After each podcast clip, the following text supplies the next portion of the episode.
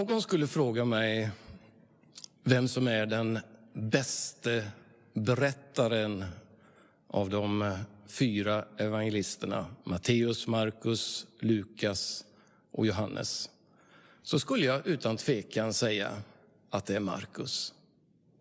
Markus är den som berättas, berättar mest kärnfullt, rappast och där det är lättast att följa den röda tråden. Markus han eh, går direkt på i sitt evangelium. Kapitel 1, vers 1. Här börjar evangeliet om Jesus Kristus, Guds son.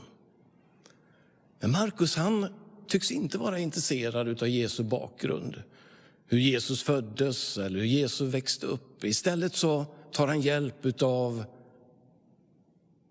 Gamla testamentet för att introducera Jesus. Och han skriver i vers 2. Som det står skrivet hos profeten Jesaja. Se, jag sänder min budbärare före dig. Han ska bereda vägen för dig. En röst ropar i öknen. Bana väg för Herren, gör hans stigar raka. Markus säger att det är profeten Jesaja. Men i själva verket så är det två profeter. Därför att första ledet är hämtat ifrån Malaki kapitel 3 som handlar om hur Herren sänder sin budbärare och ska bereda vägen. Därför att Herren är på väg att besöka sitt folk, säger Malaki. Han är på väg till sitt tempel för att uppenbara sin härlighet. Därpå kommer Jesaja-citatet ifrån kapitel 40 om att Herren bereder en väg i öknen. Och där, på torr mark, säger Jesaja att Herrens härlighet ska uppenbaras. Alla människor ska se det tillsammans. Det är alltså agendan från allra första början. Evangeliet som han ska berätta handlar om hur Gud ska uppenbara sin härlighet. Hur Gud kommer till sitt folk som en segrare, en befriare som visar sin härliga väg. Markus går direkt på i sin berättelse med att Jesus börjar förkunna redan i kapitel 1, vers 14 och 15. Guds rike är nära. Omvänd er och tro på budskapet. Men den avgörande frågan som Markus vill ta oss med i är just frågan, vem är Jesus? Vad är relationen mellan Jesus från Nasaret och denna person som ska uppenbara Guds härlighet i historien? Är Jesus denna som ska uppenbara Herrens härlighet? Ja, Markus är tydlig på det. Detta är evangeliet om Guds son.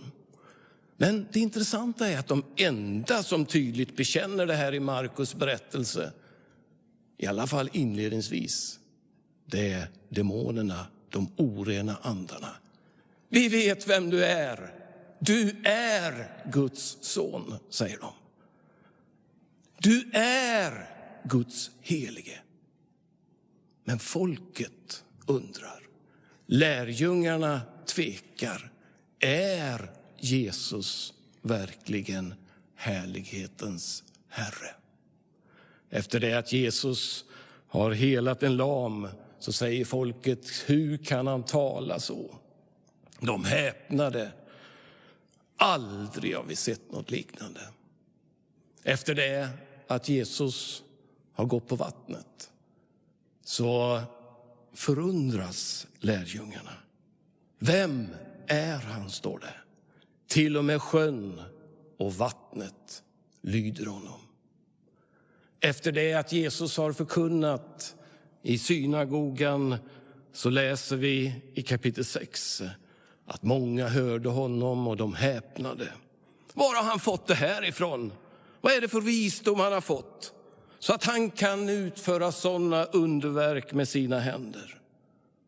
Folket förundras, förvånas och de frågar, vem är han?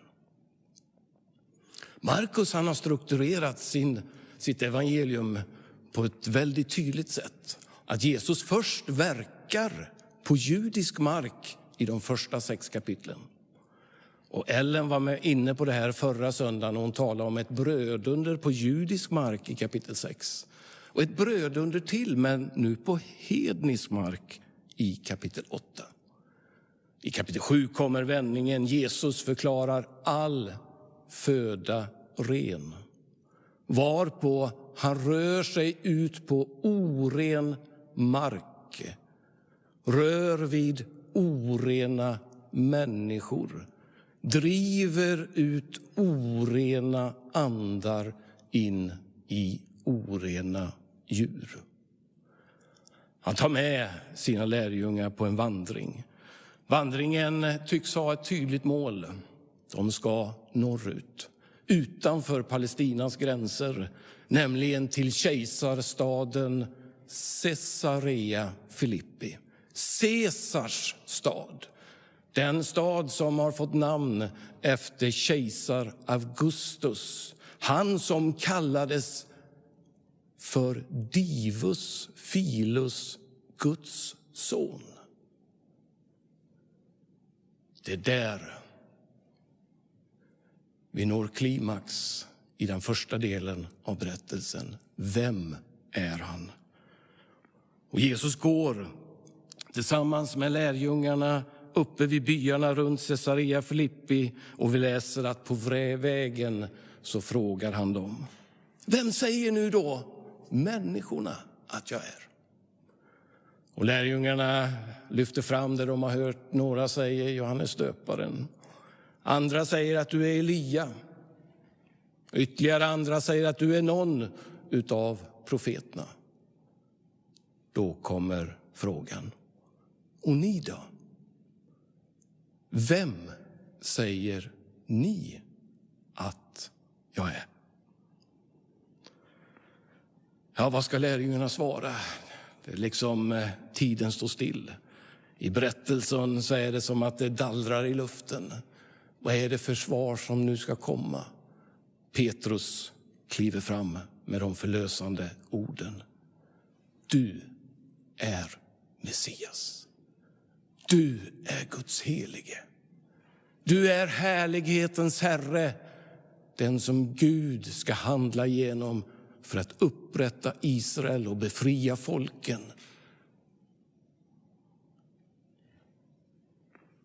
Och här skulle Markus evangelium egentligen ha kunnat sluta. Här har vi fått svaret på den stora frågan, men det intressanta är att evangeliet nu inte slutar. Snarare att evangeliet tar en ny vändning. Och en ganska oväntad vändning. Därför att Jesus vänder sig nu han som har, till Petrus, han som har gett det förlösande svaret. Och så säger han så här.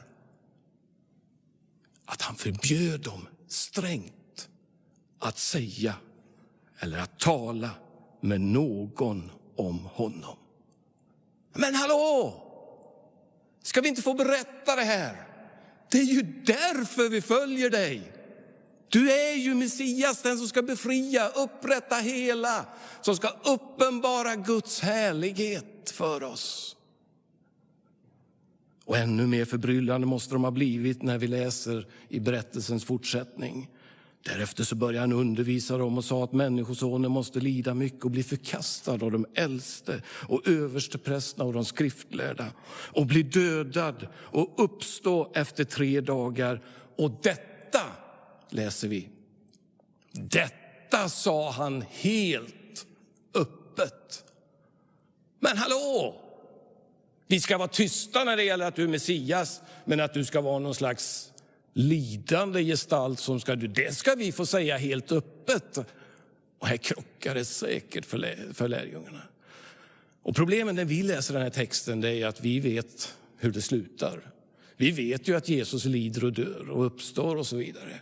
Men vi måste vara medvetna att det fanns inte på kartan för lärjungarna att tänka sig en lidande Messias. Det var de tidiga kristna som började läsa Jesaja 53 om Herrens lidande tjänare som en text som handlar om Jesus. Det fanns ingen jude som kopplade den texten till Messias innan de tidiga kristna började göra det. Det fanns helt enkelt inte på deras karta att Messias, den högste Gudens son, ska lida och dö. Petrus är den som inte bara inser vem Jesus är, han inser också den fullständiga konflikten i vad Jesus håller på att prata om. Men hallå, tänker, tror jag, Petrus. Det är ju nu det börjar hända grejer. Det är nu människor kommer till tro, människor som blir helade och befriade. Inte ska du lägga ner din verksamhet genom att lida och dö. Jag trodde ju du ändå var Messias. Skarorna strömmar till och du ska lida och dö. Vi läser att Petrus drog honom då åt sidan och började förebrå honom. Ordet för förebrå handlar om en skarp tillrättavisning. Jag skulle gärna vilja höra de där orden från Petrus till Jesus. Jesus, detta är fullständigt idioti. Det här får inte ske. Det är inte så här skrifterna beskriver Messias, i alla fall som jag har läst det. Då läser vi att Jesus vände sig om. Och när han såg lärjungarna så tillrättavisar han Petrus. Verbet som används används i övrigt om att tillrättavisa demonerna i Markus evangeliet. Och Jesus säger till Petrus, håll dig på din plats, Satan. Dina tankar är inte Guds, utan människors.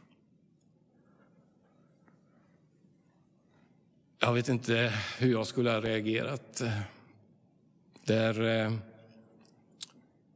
Petrus välvilja tolkas som Satans angrepp. Kanske Petrus kände sig förnärmad. Kanske han eh, kände sig kränkt. Jag vet inte riktigt vad jag själv hade tänkt i den stunden.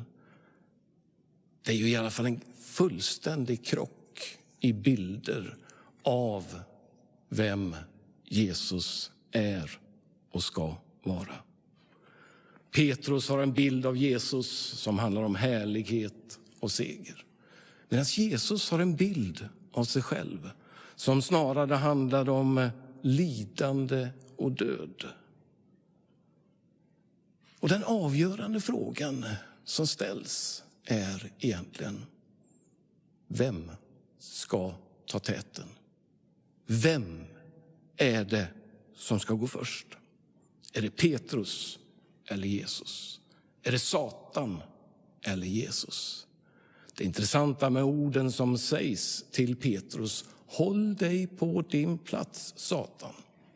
Det är att det egentligen står Ställ dig, eller gå bakom mig, Satan.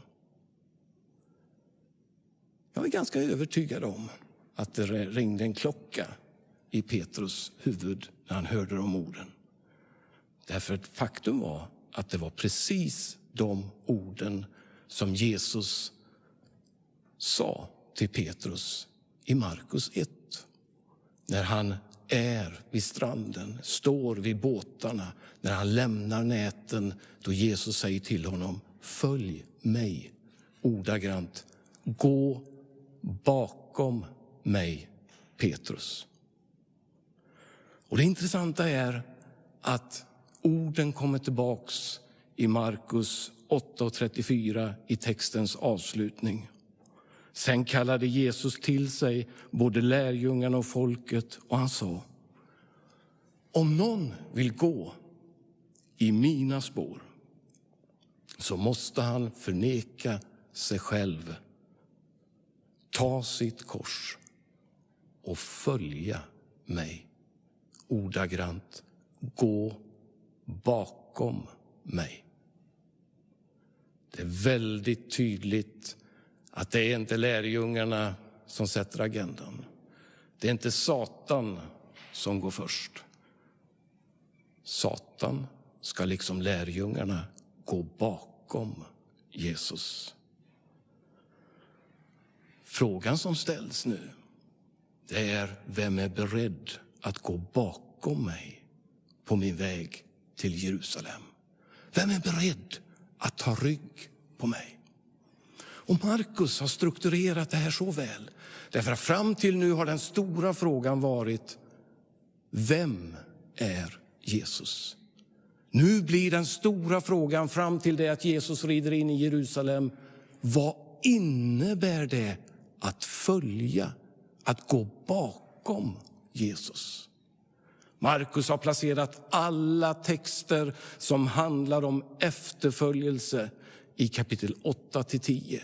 På vägen nu söderut så går de på vandring mot Jerusalem. Och Markus har till och med arrangerat det så väl att ordet väg de gick på vägen, de samtalade på vägen, de satt vid vägen.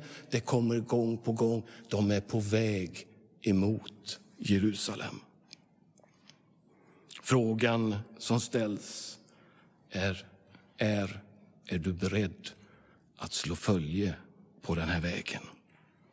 Men det intressanta är att något annat spännande sker, nämligen att bilden av lärjungarna börjar nu förändras. Petrus är ju den som har nått sitt klimax egentligen med att bekänna att han är Messias. Han är härlighetens Herre. Men från och med nu så förändras bilden av lärjungarna. På resan mot Jerusalem så tecknas bilden av lärjungarna som inte förstår. Som inte riktigt är med. Som misslyckas. Ja, till och med de som förnekar och de som till slut överger. Det är alldeles tydligt att lärjungarna, de tror att de är på väg mot härligheten. Att de går härlighetens väg. In i det sista håller lärjungarna fast vid härligheten. Precis innan Jesus rider in i Jerusalem så läser vi om Jakob och Johannes. Sebedaios söner som gick fram till honom och de säger i slutet på kapitel 10. Mästare, vi vill bara be dig om en sak. Och jag älskar den Jesus som vänder sig till dem och säger, ja, vad vill ni att jag ska göra för er? Då svarar de, läser vi, Låt oss få sitta bredvid dig i din härlighet, den ene till höger och den andra till vänster. Det är alldeles uppenbart att lärjungarna tror att resan med Jesus är en resa från härlighet till härlighet, från seger till seger. Att livet med Jesus är en stigande kurva uppåt Medan Jesus sitter på en annan bild där han visar att en resa med honom är en resa genom lidande till härlighet. Att livet med honom handlar om att kliva av, att kliva ner. Och han säger till Petrus, förlåt, till Jakob och Johannes att den som vill vara stor bland er ska vara de andres slav. Den som vill vara först bland er ska vara allas tjänare. För Människosonen har inte kommit för att bli tjänad utan för att tjäna och ge sitt liv till lösen för många. Är ni beredda att följa på den här resan? Jag kommer att tänka på när jag satt med en eh, kristen ledare för husförsamlingsrörelsen, huskyrkan i södra Kina för ett antal år sedan. Vi satt en grupp och pratade och han delade sitt liv. Och så sa han någonting som jag tyckte han sa direkt till mig, för han tittade på mig. Och jag i alla fall kände att hans blick eh, liksom trängde igen mig och utmanade mig. Och så sa han så här, och det var naturligtvis riktat till hela gruppen, men han sa så här. Jesus did not, did not call us to walk the way of glory, but the way to glory. Jesus har inte kallat oss att vandra den väg som präglas av härlighet, utan den väg som leder till härlighet. Och så satt han där och talade om lidandet för evangeliet som han själv hade gått igenom. Vägen till härlighet för Jesus går genom lidandet. Och Markus, återigen Markus berättelse. Markus har ett alldeles speciellt sätt att visa det här. Jag sa att Markus var tydlig på att Jesus var Guds son i Markus 1 och 1. Men det är bara demonerna som bekänner det.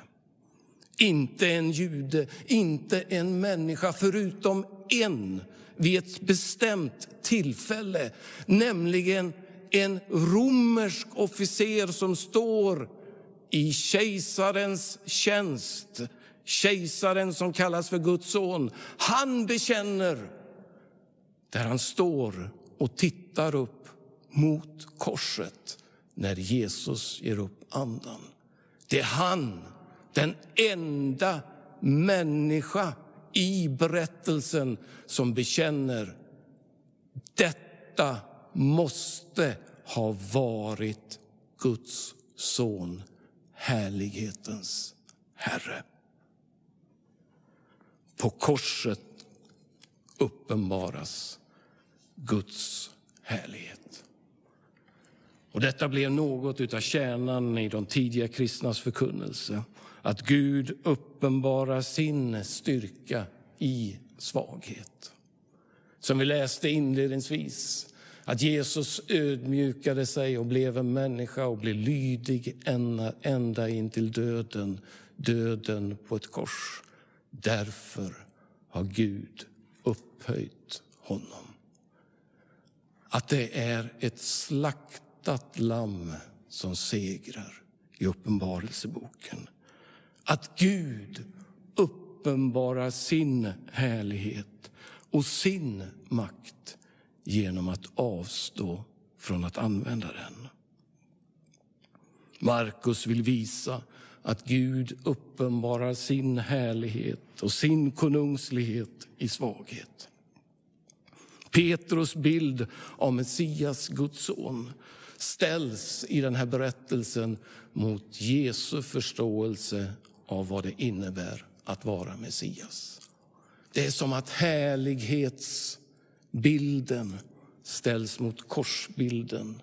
Härlighetsteologin ställs emot korsteologin. Frågan är, vem är Jesus? Och är du beredd att följa Jesus?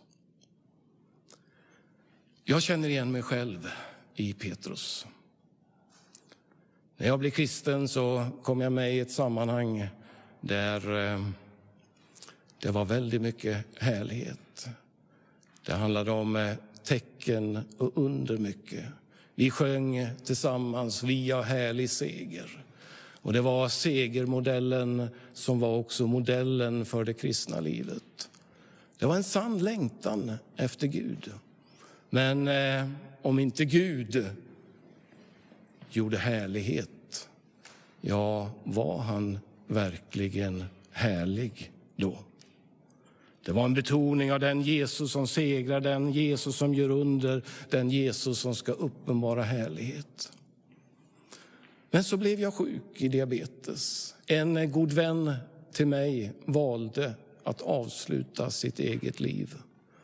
Och Det var andra saker som hände som gjorde att eh, den här härlighetsförståelsen av livet, den fick sig en rejäl törn. Hur kunde den Jesus som helar tillåta detta? Ja, möjligtvis för att han just skulle hela mig från min sjukdom. Och det blev nästan ett villkor i en period. Är du verkligen Jesus? Jag gör någonting då. Det är ett antal år sedan det här. Och livet har kommit ikapp på olika sätt. Det betyder inte att jag tror mindre på att Jesus gör under eller att Jesus kan förvandla liv idag. Jag har sett tillräckligt mycket där jag skulle kunna berätta om härlighetens Jesus. Men jag har också insett hur lätt det är att bli som Petrus. Att jag vill hellre söka härligheten än ett kors. Jag vill hellre ha en Jesus som helar än en Jesus som lider. Idag har jag insett att eh, det blev väldigt mycket en Jesus på mina villkor. Där Jesus skulle förverkliga mina drömmar snarare än, än att jag skulle förverkligas genom att följa honom. Idag frågar Markus genom sin berättelse dig och mig. Vem säger du att han är? Vem vill du att Jesus ska vara? Och är du beredd att ta rygg på honom? Att gå bakom honom på hans väg till Jerusalem?